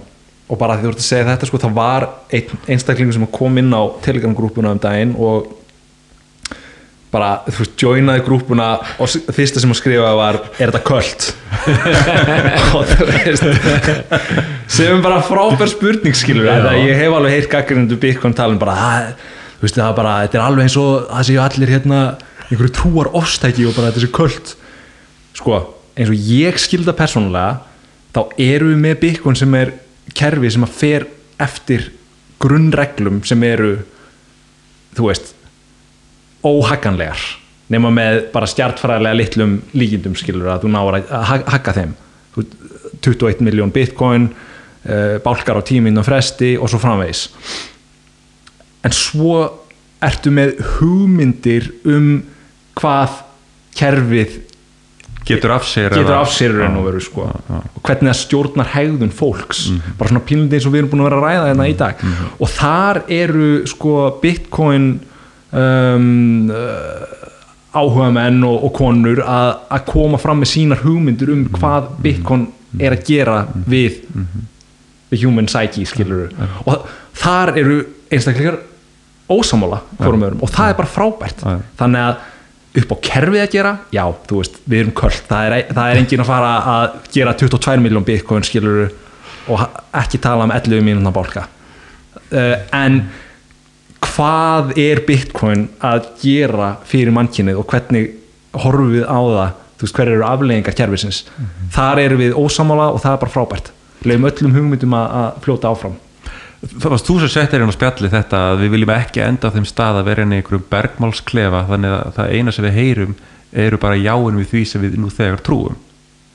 Já, algjörlega. Og, og þetta fannst mér svo frábært hjá þér að því að meðan að við spyrjum gaggrinna spurninga og höfum hugur ekki til þess að skoða okkar eigin heimsmynd að þá erum við á góðum stað og frábær leið til þess að gera það er akkurat það sem við erum að gera núna tala saman og vera í samskiptum og vera djörf að varpa fram hugmyndum og nota málfrelsið okkar til þess að skoða hugmyndir okkar og takast á um það er og skoða hvaða hugmyndir passa best til að lifa þessu lífi. Því að hugmyndir sem eru réttar um veruleikan sem við tölum um hérna áðan fyrir kvöld þær virka best. Og það er henni grunn hugmyndin um Bitcoin og hún er henni svo að Bitcoin, hönnun Bitcoin samsvarar raunveruleikunum miklu betur heldur en aðrar uppfinningar af peningum sem við höfum hingað til haft. Einmitt, að þú ert með þú ert með þennan ledger sem að er algjörlega Já, hann er algjör sannleikur í augum allara nótenda kerfisins. Og mér finnst það alltaf skemmtilegt hvernig hérna, þú veist, það var einhver sem var að líka þessu við sko, þú getur verið með tvær þjóðir sem eru í stríði við hvora aðra, bara bandarækin og, og, og, og Sovjetríkin skilur þú veist, þau klassa hérna á hverjum einasta degi og það er kalt stríð í gangi í, þú veist, áratug. En þ- þeir geta verið að nota sama kerfi sem að þeir eru algjörlega sammála um Ja. og geta stundað viðskipti. Ja. Sovjetmenn er í viðskiptu við Kúbu og bandarækjumenn er ekkert að fara að vera að, að yppa gogg yfir því að þeir átt að segja á því að kerfið er nákvæmlega sama og þeir eru að nota. Þeir geta treyst í Þetta er gríðarlega áhugavert að velta fyrir sér hvernig þetta gæti mögulega spilast út inn í framtíðinni ef að Bitcoin er áfram að auka árifi sín og minna Henry Fordi hafið sér greinina þar sem hann slæri upp þeirri hugmyndum hvað við værum með gjaldmiðil byggðan á orku og hvað eru hundra ár síðan að hann velti þessu upp. Það er alveg ótrúlegt að bara hann hafi hugsað þetta. Og í kjölfarið, sko hann gerði þetta einmitt fyrir einhverjum hundra án síðan. Og svo var það, ég man ekki hvaða hagfræðingur það var, hvort það var Hayek eða einhver uh, um miðbygg 20. aldar sem að kemur og segir síðan að eini gjaldmiðlinn sem að myndi virka fyrir, fram, fyrir framtíðina væri byggður á orku en Henry Ford var undan sko. ég meina svona fór hvað sem fólki finnst um Evrópabandalagið þú veist að þá rinni var uppalega hugmyndin svo að fórsetisræðar á Fraklands uh, Búltmann minn Bóltmann, minni með hann hafi heitið hann hafði samband við Konrad Adenauer fórsetis eða, eða kanslara Þískalands með þá hugmynd að tv- tvinna þessar þjóðir saman í viðskiptum til að minka líkunar af því að myndu nokkuð til að lenda í stríði aftur og stopnuðu svona kóla og innar bandalag sem að setna var að Europabandalaginu og nú er ég ekkert endilega mjög meðmæltur Europabandalaginu per se, það er önnsaga en þessi hugmynd sem þú varst að nefna ef þú ert í viðskiptum sem eru góð fyrir báða aðila þá minka líkunar af stríði og þú ert að keira á sama peningaprotokoll skilur og þú getur ekki rænt vermaðum þjóðarinnar til þess að fara í stríð þá er erfitt að sjá að en að líkunar á löngum stríðum mingi Já, bara við einmitt fórum í þetta með Viking síðan þetta mm. að, þú veist, þetta er bara þú nærið ekki fjármagna stríð, já, lengi já, ert ekki með penningabröðin og það var Ron Paul sem sagði að it's no coincidence að the century of fiat money coincides with the century of total war, er nokkuð nákvæmlega. Og það er bara það hittir bara spotan sko. Þið hafi, þið hafi vætilega rakið sögu dollarans eitthvað í þessu podcasti eða ekki? Jú, jú, við höfum alveg tekið það frá svona hvernig þetta byrjaði í fyrir heimstörlöldrinu og síðan hann stort, stort moment Bretton Woods. Fin- kringum 55 mm. Kóruðstríðið, Víetnastríðið við, já, ég raun og veru bara við svona við fórum, ekki, ekki að gullfætinum og. Spólum áfram í þá bara 2009 skilur Já, Bitcoin já, já, já. en já, í raun og veru Vietna, Vietnamstríði hefði aldrei geta verið fjármagna nema Nei, þeir, sko, þeir byrjuðu að svindla á þessu samkomulagi um að hafa dollarna gulli strax í Kóruðstríðinu já, fóru að prenta kannski 1,1 dollar per einingu gulds skiluru og svo í Vietnamstríðinu þá bara voru, var handbreysan tekin af og, og bara látið vaða sko. einmitt. einmitt var það ekki, það er sem sagt í Bretton Woods þá gera þjóðir samkomulag um að vera með gullfót? Já, það er rauninni þannig að bandarækjumenn segja bara að við erum hérna, stærstir og frekastir með stærsta herin, við tryggjum dollar í gulli. Og þá séu hinn að þjóðunar ok, þá getum við tryggt okkar gjaldmiðil í dollar. Einmitt. Og þegar að all, coincidentally var eða þú veist, all gulli var í bandaríkjunum sögum heimstyraldarinn Já, sem var í já. Európu frakkar og aðrir eru komið gullin í var hinnum með við allasæðið einmitt. Og það er frægt að frakkar sendu herskip til New York. Til að ná í gulli. Til að reyna að ná í gullið. Og það var þá í kjölfarið að þessu sem að Nixon verður að taka gullfótin af. Já. af því að þjóðirnar sem að þurft að treysta á að bandaríkin ætluð að halda uh, dólarunum með gullfætinu sínum þau áttu sig á því að þeir væru að, þeir væru að svindla skilur Já. já, þá kemur bara fraklandsfósitt og sér, herri ok, var ekki dugól eða eitthvað?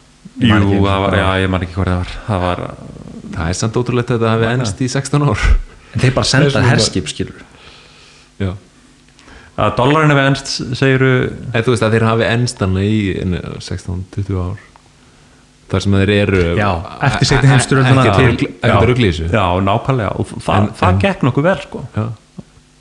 Og, og var hérna þú veist, hann, Erik Weinstein talar um þetta bara svona, hann talar um what, what the fuck happened in 1971 en hann talar, talar um það sko hann segir að Bitcoiners sé búin að hijacka hijacka slóganinu af því að hann tilur þetta að vera meira eitthvað svona eitthvað svona hugmyndfræðilegt hvernig við hugsaum um hérna, um vísindi og, og fleira sko já, já, já, já. en, en við byggunum náttúrulega segjum bara þú veist, frekar auglust að hérna, mm. dólarinn var tekin af gullfætunum og, og, allt, og allt byrjaði bara samfélagi byrjaði bara að hörna í kjálfæri sko. og, virðist bara vera mjög margt sem byrjaði að hörna frá 1971 já. en ég meina það er alveg stór merkilegt að skoða tölfræðina yfir þetta já, og einhver getur sagt ég meina, getur sleiðið flöstu hvað er orsaka aflegging ég meina við höfum orðið við eigum orðið mjög mörg dæmi í veraldarsögunni um akkurat þetta. Allt frá hérna í Kína einhvern tímann sko hvað 400 eftir eða fyrir Krist sem að einhver kýmversk ætt sem að því að hún örgulega lesið um hún byrjaði að við erum að nota gull og einhverju dætti ykkur að fara að prenta og það gekk vel og þá getur einhver ætt byrjaði að svindla og prentaði bara og, og 40-80 árum var komin óða verðbrugga og þessi gjaldmiðl var ónýtur. Já. þannig að þetta er bara svona ef þú gefur einhverjum þennan mátt að, að þú veist og svona ákveður bara ég vil treysta þig fyrir þessu það er hann ræður það er bara so long sem hann getur ráðið við það.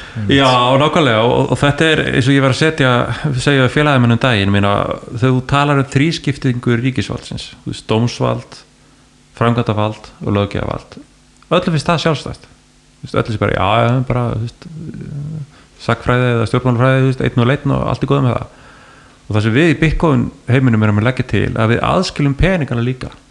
Þeir séu aðskildi frá þessu trennu og valdið til þess að prenta peninga sé ekki í höndunum á stjórnaldum separation of money and state er ábyggilega mikilvægast sem við þurfum að gera til að ná þróara samfélagi. Hvað haldið þið strákar að þyrfti að gera hérna á Íslandi til að við færum að sjá svona alvöru reyfingu í þess átt? Þú vonast eftir að þetta sé færið að gerast svona komið á borðið í umræðina eftir fjögur ár. Mm. Hvað þyrfti að gerast til að það myndi gerast?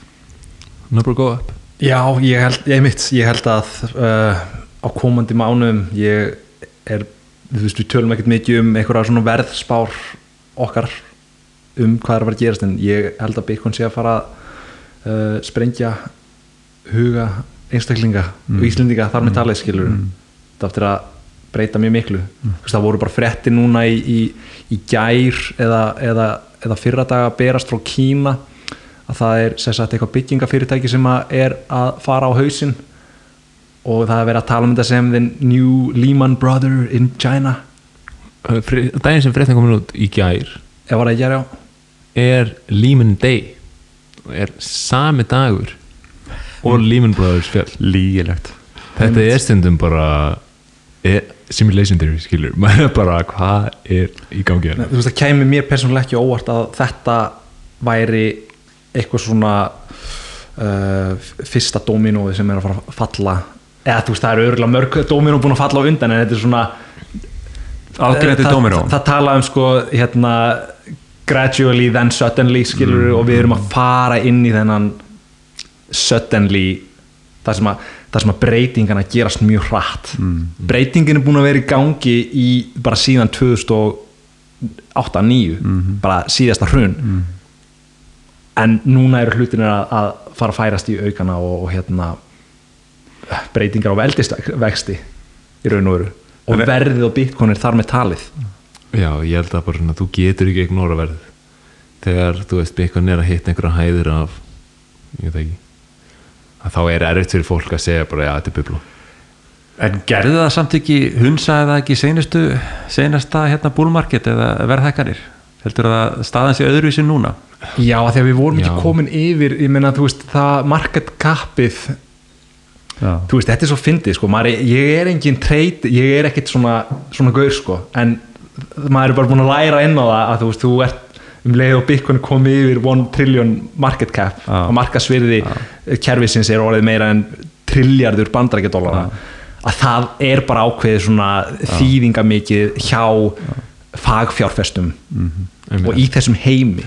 Og þú ert, við erum að tala um sko að Bitcoin er að mjög líklega að fara vel yfir 1 trillion US dollars núna á næst, næstu mánum, mér finnst það allavega það er svona það sem að ég Ég kemur ekki það orð að það myndi, þú veist. Segjum bara að það myndi sexfaldast já, en þá erum við samt að tala um 6 trilljara sko. þá eru- eru komin í svipa markasur og gull. Það er erfitt á þeim tímpúndi að Ég veit ekki. maður, maður segir þetta en síðan þú veist ég, ég, ég sagði að- sinni við, við hérna pappa bara, já þetta er komið í tíu stólar þá bara getur enginn neitað þeir þetta lengur síðan kemur það á bara enginn blika auga skilur Ég hef verið hissa að heyra sumar mótbárarnir sem fólk kemur með og í rauninni hvað sumir eru treyji til þess að taka sér tíma og, og kynna sér bitcoin þannig að sko ég bara eins og þið hafa verið að segja og þið eruð að sína í verki ég held að við þurfum að vera virkilega duglega við að tala við fólk um þetta -hmm. og velta þessum samtölum upp sko Já. að því að ég var að horfa- fór á fótballteklu í daginn hérna Ísland, Norður, Makedónia og einhver ungu þjóðveri sem satt fyrir fram mig og ég fór eitthvað að spjalla við hann og spyrir hann út í ástandi þar og svona og, og hérna hann var með alveg, alveg fast að, að, að þú gætir ekki keft nefnir bara heilt bitcoin mm, en þá já Já. og ég bara, vá, ég bjóst aldrei við að hitta einstakling sem að væri heldur það að þú gætir ekki keft nefnir bara heilt bitcoin sko. Og það segir manni bara hvað það er ótrúlega mikil vannþekking ennþá í gangi. Já. og það er í raun og veru það er enginn sem að þú veist hver á að fræða fólkið skilur það er bara ég og þú sko. Já, það er nefnilega máli Já. En það, þess vegna er þetta svona, þú veist Það er engin annað til að fræða fólki skilur og, og, þú, og við sjáum líka auglustlega bara svona fjölmjölar þeir eru ekkert að gera heimavinnun sína og, og hérna, þú veist koma með eitthvað, þú veist einhverja kynningu á málinu hvað hefur ykkur gefið svona best í því að, að fræða fólk? Því náttúrulega eru með hlaðvarp. Hvað hefur þið svona gert annað, bara samtöl eða? Já, já, ég sverða það sko bara ég, ég hef líka notað þetta svolítið hérna, svona þeim sem ég þykir væntum þar, þar borga ég fyrir þjónustur og í Bitcoin. Og það er alveg gríðanlega upplugt að sjá bara að sjá þú veist upp að henn að hækka. Áttu, áttan og sérna hækka að, að það er algjör svona blossi sem að færi þig til að kafa dýbra fara að skoða þetta, já, þú leiðut átt orðið smá bitcoin Já. þá ferðu að já. Ég gerir ba bara við fólk sem er þykir væntum af því að ég veit bara já það, þú veist. Og kannski treystir svolítið að þau munu halda á því. Já, það er Þessi góð fólk þarf að bera ábyrð á sínum einn Já, fjármálum í raun og veru. En mér finnst vera áhugavert sko að þú veist að þú með hérna þjóðverjan uh, hann heldur ennþá að maður þurfa að kaupa eitt bitcoin og, og, og hann er greinlega ekki í þessum heimi. En hann ef hann veit að ef hann, heldur, ef hann veit að það hérna innan gæsalappa skilur hann veit að það er hægt að kaupa en þá verður að kaupa eitt bitcoin þá er hann allavega eitthvað búin að sjá um Já, já. bitcoin sko. Og þetta er einstaklega sem að getur vel komið inn á einhverjum tímapunkti kaupir mögulega bitcoin en svo fær hann þetta sem að mjög margir lenda í og það er þetta unit bias. Að þú sér að þú átt bara þú veist, þú kaupir fyrir 50.000 kall og þá áttu 0,001 bitcoin eða ég veit ekki hvað það er. Já.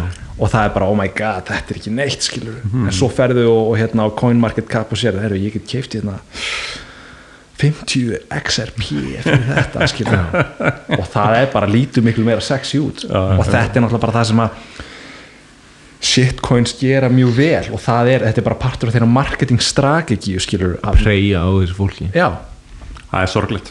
Það er mjög sorglegt. Það er sorglegt. Já. það var eitthvað annað sem þessi þjóðir í sagði mér sem er dettur í hér núna þessu þetta sem að ég var alveg bara gjörsalega stein í lostin hann var sérst að býða eftir því hann ætlaði að kaupa bitcoin þegar hann kæmist í peninga sem hann ætti í öðrum banka. Og ég, ha, ke- kemst ekki í peningana þína nei, sagði hann. Af hverju, sagði ég? Já, sko, þegar COVID byrjaði þá lokaði útibúið. Og þeir eru ekki með neitt netbanka þessi banki. Þess vegna get ég ekki nálgast peningana mína.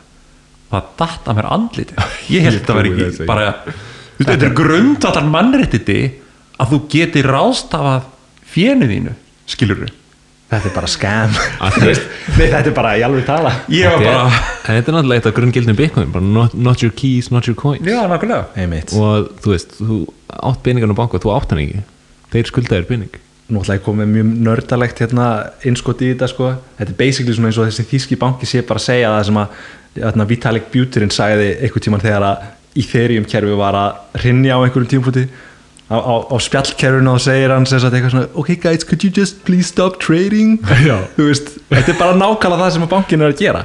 Bara COVID kemur, eru bara ok, eru þið til í að hérna bara hætti þið ekki, bara, bara engin að snerta peningana núna. Fáránlegt. Og þetta er, þú veist hefur spurt einstakling í Magadóníu aðeins fyr, fyrir COVID hvort að þú veist hvort að honum fyndist örugt að geima peningi sinn inn á, inn á banka. Hann hefði sagt já, skilur Einmitt. en þú veist, þegar allt í henni kemur bara dagurinn sem að þú veist þú áttar það á því að þú í raun og veru átt ekki peningin að, að þú veist hann er hellur. Þetta er, er sorglit sko. Annar dæmið það sem var, einhver var að setja hann á spjallið okkar í dag um að bresk fjármála eða fjármála eftirlitið ætlaði að setja hvað 11 miljardar íslenska króna í, í áraðsherferð sérstaklega til ungs fólks að vara sig á áhættu fjárfæstingum 11 miljardar ég borga áhrifavöldum. Já. til að Money well spent, ég veit ekki sko. Og fyrir það sem er að hlusta þú veist að minna, þarna eru þeir að veist, það eru þeir sjálfur breska ríkið sem er að knýja fólk í áhættu fjárfæstingar að þeir eru að eigðilegja breska pundið sem varveislu á kaupmætti. Nákvæmlega. Þetta er ótrúlega Einmitt. ótrúlegt sko. Þannig að þú veist, svo er þeir að að prenta ennþá meiri peninga til að reyna að samfara fólk um að gera ekki það sem að Einmitt. það nefnist til að gera. Ég veit, þeir, þeir eru með þetta vandamál að prenta út peninga. Þannig að fólk er að flýja í einhverja áhættu fjárfestingar og, er að, og þeir reyna að laga það með því að, með að prenta út meiri peninga til að borga áhrifavöldu til að kenna fólki.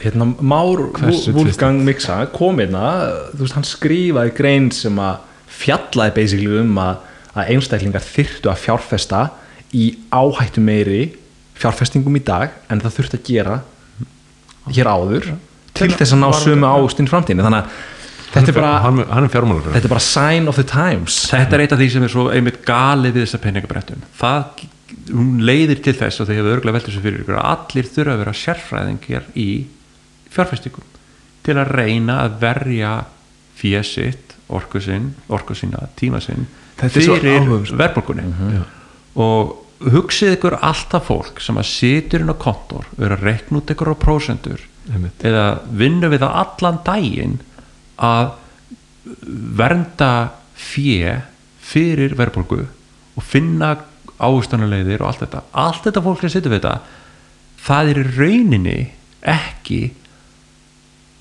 þegar maður hugsa um það það er rauninni ekki að skapa neitt neinn, verð, neinn verðmæti fyrir samfélagi Einmitt. það er bara ráðst af fjö þetta er bara verið að, að færa peningum það er rauninni bara að búa til verðmæti í heimi þar sem þú ert búin að eðilegja peningana eða eftir eðilegja peningana Já. ef þú væri komin í bitcoin heim þá getur allar þessar klukkustundir allt þetta mannafl all, allt þetta hugvit farið að gera hluti sem virkilega myndu verða öllundu góðs Einmitt. og skapa verðmæti Þetta er náttúrulega bara samlíking á það sem að þú varst að nefna á það með mannin í Venezuela sem þarf að fara í þrjá klukkutíma til þess að, til þess að borga reikningin já. bara tíma spartnaður Þetta- og Jeff Booth skrifaði um þetta í bók sem við höfum talað um hérna áður. Hæst launast fólki í samfélaginu okkar fyrir í þetta. En, veist, þetta er með hæst launastu störfunum að vera fjármála sérfræðingur Já. Já. Það, er, það er bara hann skilur þú veist. Og ef þú ert fjármála sérfræðingur hann úti og ert að hlusta á þetta hlaðvar þú veist, það verður mjög áhugavert að heyra frá þér hvernig er þín upplifun af þínu starfi þegar þú fer að skoða þessa hluti. Veist, og við erum ekki að halda þig fram að þú sért slæmur einstaklingur veist, við erum öll einhvern veginn sóguðumst inn í þetta kerfi og þurfum að búa við það. En þegar við fyrir að setja hlutin í sam samengi viljum við vinna við þetta? Nei, veit. einmitt og svo er annað sem að mér finnst alveg ótrúlega magnað sem við vera meira að tala en það er eins og það sem er að gerast í bandaríkjunum núna þegar að aðgangur á lánsfí er orðin svona svakalega uh, auðveldur og raunin raun vextir komin niður fyrir nullið Já. það þýðir það að það er fullt af fyrirtækjum sem í raun eru rekin fyrir neðan nullið en þau þurfi ekki að fara í gjaldfrót af því að þau hafa aðganga út úr Akkurat. og geta þannig haldið áfram starfsemi sinni sem við kallum zombie companies. Já, og, það sem að mér finnst þú magnaði er að í þessu Fiat kerfi er staðan orðin svo að eðlileg samkeppni kapitalismi sem að hefur verið svona aðalsmerki í bandarækjana er allt í bara að fara út um gluggan horfið, horfið. Já. þú ert einhvern veginn baktir að megin komin inn í hálfgerðan kommunisma alveg bara sem er ótrúlega alveg fyndið hvernig. Þetta er og svo þetta, við erum búin að vera að tala með einstaklinga sem eru í rauninni ekki að skapa verðmætti fyrir samfélagið. Það er þetta komið með heilt fyrirtæki sem er að taka meira til sín heldur en það er að skapa. -hmm. og þú fyrir að markvalda það svo upp og fyrir að horfa á hvenar springur bólan. Af því þú getur ekki endalaust haldið áfram að pumpa lofti í blöðruna og halda þessum fyrirtækjum uppi sem er að taka meira til sín heldur en það er að gefa. Akkurat. Og það eiginlega er hálf óttalegt að maður hugsa um það sko. Algjörlega. Já maður er bara maður er bara alveg hérna kjafstopp sko Já, þetta, er, þetta eru magna pælingar uh, og hérna eins og ég segi ég, ég er afskaplega af samanskapi vonguður af því að hver eiginlega einstaklingur sem færi sig yfir í byggjum hann, hann hérna hann skrefir eitt átt til, að- til að breyta þessari hugsun breyta þessu kerfi. Já. og þetta væri svarti tímar eða væri ekki fyrir þess að von það væri það Það- sko. Það sem ég er einna spenntastu fyrir svo í þessari öllu er kannski það sem við byrjum að tala um eins og El Salvador. Og það er þessi siðferðslegu rök fyrir Bitcoin. Mhm. og, og Bitcoin fyrir svo ég hef verið að kynnast mannin sem að býr nýr í Sambíu. Hann býr í ykkur kólanum eða kopar námi bæ sem að hefur gengið illa núna í, í COVID sko, hann var eitthvað að tala um að býða eftir að stjórnvöld gera eitthvað sko og ég eftir að taka spjallið hann sko en það þýðir ekkert fyrir þau að býða eftir að stjórnvöld gera eitthvað. Mhm.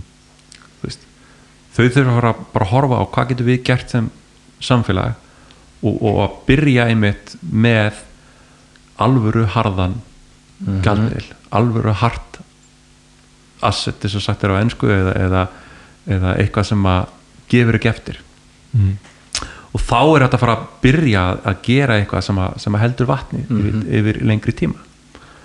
Og að horfa á það sem við erum farin að sjá þegar við horfum á Bitcoin að fátat fólk út um allan heim getur farið að taka pínlítið að tíma sínum og orku sinni og varvita það og senda það og byggja það upp inn í framtíðina fyrir börnin sín. Það er ótrúlega magna fyrirbæri. -hmm. að því að aldrei í veraldar sögunni hefur verið jafn ódýrt örugt, hraðvirt og auðvelt að eiga eitthvað sem er algjörlega þín eign og enginn getur stólið af þér. Já, einmitt. það er jafn ódýrt og eiga bara að fara síma sem að hvað, við sem að flestir hafa talað um Já, og þú varst búin að leita ég inn í var þetta að, bara hvað- ég var að svara vinnum mínum sem að var að spyrja um þetta og það er þess að tæplega spáinn fyrir 2020 var að tæplega þú veist, 79,05% heimsins hafur aðgangað þar sem 79,05 ja. sem að Einmitt. þýðir að núna í ári eru pott komin yfir 80% já, já, sem þýðir það að, að þetta er orðin valdeflandi fyrir þá sem eru fátakir í heiminum. Akkurat. Það eigur þið möguleika að mentum, að upplýsingum sem eigur möguleikan að líðræði og allt þetta sem að vald eflir þá sem að minna mega sem í þessum heimi. Og Bitcoin flæðir algjörlega með þessu. Mm. þetta er einhvern veginn á sama tíma bara á sama tíma þetta er uh, veit ekki, svörtustu tímar sem að maður hefur upplegað að þá er þetta líka bara tímanum með mestu vonina. Já, ég náttúrulega ég er einn af þessum gaurum sem að trúi því að sé til Guð og ég vil bara meina að, að það sé miklu möguleikar því að, að Bitcoin sé hreinlega gjöf Guðs til okkar mannana mm. til að grípa inn í það svakalega klúður sem við erum búin að byggja upp. Af því að klúðurinn sem að er fyrir framan okkur er risastórt sko. Já, og hverjir svo sem við trúum um það að þá er þetta einstakt tækifæri einstakt tækifæri til þess að rauninni byggja upp þétt og heilbrygt mannlegt samfélag. Já. og uh, við þurfum að tala um það við þurfum að tala um það við stjórnmálamennum okkar. Ég, þú veist, það er eitt af því sem talandum það við getum gert til þess að hvetja aðra er að pikka upp góða bók og, og segja hei og að hittast einu sinni í viku og zoom og, og, lesa okkur gegnum þessa bók. Ég gerði það um daginn með alþykismanni, fyrir um bankamanni eh, hótelstjóra hérna, vísitamanni og fleirum þetta skiptir máli, þetta hefur áhrif. Algjörlega. og það er eitthvað reitt sem væri gaman að varpa þarna út í, út í loftið, það er að okkur vantar í rauninni bók á íslensku. Algjörlega. Já, það gæti skemmtilegt verkefni að, að Vá. taka bara eina bók og annarkur þýðana eða hreinlega bara segja, heyrðu við ætlum að fara út úr bænum eina helgi og, og þú skrifa þennan kabla, þú skrifa þennan kabla og bara, ég veit að þeir skrifuðu þannig bókina Thank God for Bacon, þeir fóru bara Já. saman, ykkur þar í burtu og, og gerðu þetta saman. Það var hópur einstaklinga Já, einmitt. hópur einstaklinga. Já. Jimmy Song, fleiri. Já, Rolf Brídlof já, einmitt. Já, það, definitely. Við erum alltaf Við sem eru pennar. Ha, já þannig að það eru allavega mjög, það eru mjög margir hérna sem að kunna skrifa á þessu landi. Það er, það er engin spurning. Það væri mjög gaman að fá að tala við hérna bara svo ég hugsi upphátt bara, þú veist, ég væri mjög mikið til að tala við svona þessa ungu hugsuði sem er að hérna, ditra, dreita út bókum sko, þú veist, Bergur Ebbi Mhm. Sverri Nordal og hérna Haldur Armand Já, skilur ég heiti hann einu sinni ég væri til að fá að heyra hvað svona einstaklingar hafa um, um Bitcoin að segja þegar þeir hafa allir mjög mikið verið að skrifa um, um framtíðina, tækni umhverfismál hafa vissulega áhyggjur af þessu. Þetta er bara, þetta er svona uh, mín kynnslóð pínlítið um, okkar kynnslóð allra, við erum ekki það hérna, langt, langt á milli okkar. Nei. en já, það hérna það bara er erfitt að prótsa fólk um bitcoin finnst mér oft sko. við erum alveg að reyna að hafa samband við fólk en það er einhvern veginn bara fólk, margir rættir að tala um já, þeir, Ég- þeir vita líka en þeir eru líka svo treyir að kynna sér það sem er svo áhugavert. Þetta, þú veist, er svona æbandi í, í eirnóðum skilur þetta er, þú heyrir þetta alls þar en þú veist, En eins og, eins og ég mynd- elska mómentin þegar fólk bara svona byrjar að spurja Já. spurningana það er hægt að vera með þessi assumptions og það byrjar að spyrja "He- en hvernig virkar þetta? já, já. og maður er bara, sko ég skal segja það. Það, ég, ég held að þetta snúist um ímyndina sem bitcoin hefur út frá hefðbundum fjölmiðlum. Já. og Já. fólk er bara pínlítið að bara, þú veist, af hverju ætti ég ekki að hérna, þú veist, þessu viðskiptablaðið það er ekkert nema hlutlusar eða neikvæðar frétti sem að koma frá þeim. Þú veist, af hverju ætti ég að vera eitthvað að kynna mig má, ég hef ekki tíma í þetta skilur Við tristum Ég- sérfræðingurum Já, ég, ég ætla að I'm gonna, I'm gonna trust this. Ég nenni ekki að verifæja þetta. Og ég, við gerum þetta allir og öll um eitthvað. Já, Það var ótrúlega mikil þekking það er það að ég glemdi hann bara á það er gríðarlega mikil þekking sem að skellur á okkur. Og við þurfum alltaf að velja hvað ætla ég að verifæja þú veist og, og þess vegna er það einmitt líka svona samtal sem er svo mikilvægt því að þegar við kynnumst fólki sem við byrjum að treysta veist, og fólk sem við vitum að hugsa skýrt að það er alltaf hjálpar okkur að saman vinna að því að skoða hlutuna gaggrinni en, en hérna uh, tala við fólk gríðarlega mikilvægt og ég held að hérna Þetta, er, þetta liggur allt þar í samskiptunum. Já, það skiptir gríðarlega máli. Algjörlega ég hérna, kannski bæti einu við af því að þú veist að tala um þetta með hérna já, við vorum að tala um þetta hvernig við nálgumst fólk. Ég, ætla að fara að stað með svona og kannski koma fleiri að því að, að nálgast þetta svona svolítið heimsbyggilega og spyrja þessara stóru spurninga. Og einmitt eins og hann rithöfundur sem þú varst að nefna áðan, Halldór. Haldur, já. Og, og svona strákar sem að, og, konur sem að hérna er að hugsa um þessi grundallar atriði að því að Bitcoin tengist í svo mikið eins og við erum búin að koma inn á er til algjöldur sannleikur er til tilgangur með bara yfirleitt tilverunni, aðleifinum þú veist, er hvaða grundvöll hefur fyrir til að svara siðferðislegum spurningum? Þú veist, er það kýst um það eða hvernig það er að leysa úr því? Allt þetta skiptir greiðilegum máli. Ég var einu svona að tala við hópa ungum mönnum á ykkar aldri og ég spurði þá þessari spurninga, hvað er það svona sem að þið myndu segja helst að vanti í Íslands samfélag?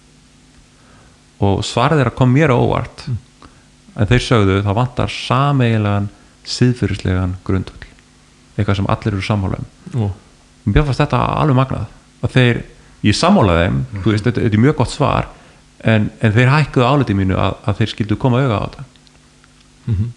Ég meina við- bara í nútíma samfélagi þá er lít, lítur bara allt út fyrir að sé hérna, us versus them skilur það er bara verið að polarisera hvert og eitt einasta topic skilur og meiri þess að bitcoin þú veist, það er bara us versus them. Hvað heldur þessi svarið við því? um, það þarf að að mínum að það þarf að búa til nýja og betri fjölmiðla. Það sem að þú ert að hrinda Ég meina við erum að gera það hérna. Já. Þetta er bara ángríns. Það var engin fjölmiðl að tala um Bitcoin Þess vegna eru við, fundum við fyrir þörfuna á því að gera þetta Mhm. Það er engin fjölmiðl sem að hefur auðvitað mest áhrif á hugmyndir samfélagsins Mhm. á hvað er raunverulega að gerast í þessu landi Mhm.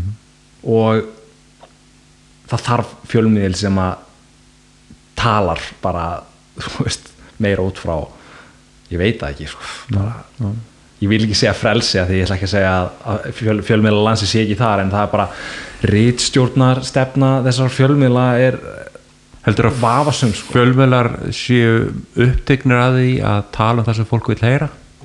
Algjörlega hvað minn góður. Veistu það, ég bara er svo þetta er náttúrulega efni í eitthvað, eitthvað annað podcast hérna sko, en, en þú þú ferð inn á vísi.is, DFF, MBL og bara top 10 fréttinar þetta er bara eiginlega sori að mínum að þið þetta er ekki fréttir. Þetta eru, það, það eru það er eitthvað svona slúður um einstaklinga mestmegnis og þetta er ekki, þetta er bara mannskemmandi sko. Þetta er gríðarlega mikilvæg spurning þú veist, og, og þá velta maður líka fyrir sér þú veist, hvað er orsöku afleðing Þú veist, er það því að fólk er latt og, og vill ekki sækja sér alvöru efni og hugsa gaggrinið og fjölmiðlar sinn mæta svo bara þeirri þörf veist, eða er fólk orðið latt af því að fjölmiðlar eru eins og þeir eru? Já, Ég held að á 20-stöldinni þá eru sálfræðingar búinir að mastera hvað triggerar fólk til í hegðun sko. Þannig að þú ert með, sko, þú ert með miljardar króna hérna, fyrirtæki sem eru í rauninni bara búin að róbota þig. Já, en ég er ekki að segja að DFF sé miljónu krónu fyrirtæki með einhvern mastermind ég held að DFF sé að kópera strategíu frá öðru fyrirtæki sem að hefur ráðið til sín einhvern think tank einstakling skilur Ég það er það sem ég held Ég, var, ég held að við séum komin hérna í játninga markarsfræðinsins Nei, þú veist, ég alveg tala ég held að, og svona bara daldi AB-testa fjöl, fjölmiðlar og í raun og veru bara hvað sem er. Það er að horfa á þetta út frá markasvæðinu skilur, bara AB-testum hérna, þess vegna sérðu greinar í dag í fjölmiðlu sem er hérna, uh, sjöleiðir til þess að hérna, sem að Kim Kardashian notaði til að grenna sig. Mm. og sjáður aðferð nummer fjögur skilur, þetta er bara það var einhver sem prófaði þetta svo fekk hann þúsund klikk á meira en hérna uh, test nummer B Já. og þá er þetta bara notað. Ég skilji, ég skilji og þetta hefur aldrei svona Þetta minnir mann sko, fyrir ekki? Nei, ég, ég er búinn. Þetta minnir mann, þegar þú talar um þetta þú veist, þetta minnir mann skelvilega mikið á bara Colosseum, bara ringleika húsið skilur það sem að þú lætur fjöldan fá brauð og leika. Þú veist eitthvað til að fylla magan eitthvað til að fylla hugan og þá bara er hann þægur einmitt. Þú veist, e- þetta er náttúrulega svakalegt að segja þetta en við verðum að passa okkur rosalega á því að lenda ekki á þessum stað. -hmm. af því að endastöðin, veist, hvert hann leiður okkur er skelfilegur. Já. Að þá eru við byrjuð að fagna dauða einstaklingar sem er að deyja í hringleika og það þú ángriðis, maður bara sér þetta pínulítið í þjóð- þjóðfélaginu í dag skilur það er bara, ef þú ert ekki á minni þá máttu já, veistu að við erum komin á við erum komin Já, á við- grimma slóður hérna sko. Er kannski óþálandi sko en ég kem alltaf aftur, aftur að þessu spurning sko, hvað er að vera manneskja? Já, hver er munurinn af því og, og því að vera sko dýr? Við fullur virðingu fyrir dýrunum skilur það eru dýðinar, er það ekki? það eru dygðirnar meðal annars og, og dygðirnar eru þetta furðulega við það að við þú veist, erum ekki algjörlega að, að láta stjórnast á kvötum okkar bara þessum hráu kvötum heldur gerum hluti þú veist, eins og að, að hérna óeigingjarnar hluti mm -hmm. skilur og við getum alltaf að tala lengi um þetta en þegar að, þú ringleika húsi þar sem að þú bara hrópar á blóð og meira brauð þú veist, að þá ertu fann að að stjórnast af ykkurum bara svona dýrslegum kvötum. Og þú ert hættur að taka ábyrð á því hvað það er að vera manneskja. Og um, svo eins og þú varst að koma inn á hvernig getum við treyst þekkingu sem við töluðum um fyrir kvöld? Og það heldist er gríðarlega mikilvæg spurning að ég þekki mann sem heitir Michael Gillen. Hann var science editor fyrir ABC hérna, fjölmiðlinn í tíu ár kendi við Harvard. Hann, með, hann fekk leiði til að vera með doktorskráð og þremur sviðum í stjörnufræði, eðlisfræði og starffræði og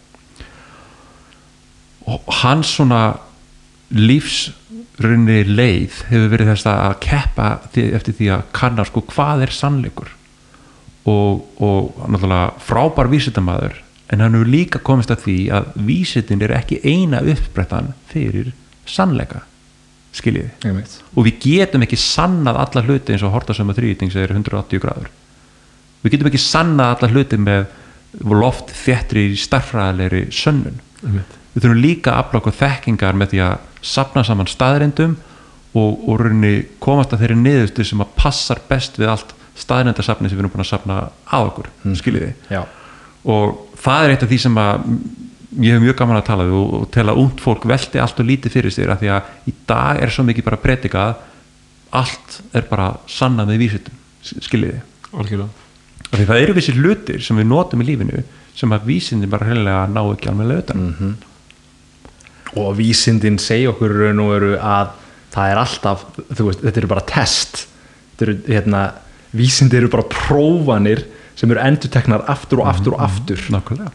Og þú átt, vísindi, vísindi segja að, að, að þú, þú átt að geta hérna afsannað. Nákvæmlega. Þannig að þetta er einmitt dálítið brenglað hvernig Vísindi mjög gagleg, þú veist, ég er ekki að segja að vísindin séu eitthvað slæm, þú veist, en bara það þarf alltaf að hafa sinn ramma. Já. Vísindin hafa stundum verið teguð og langt. Já, ég held að sé bara að þetta er dálítið svona ímynd fólks á vísindin Mhm.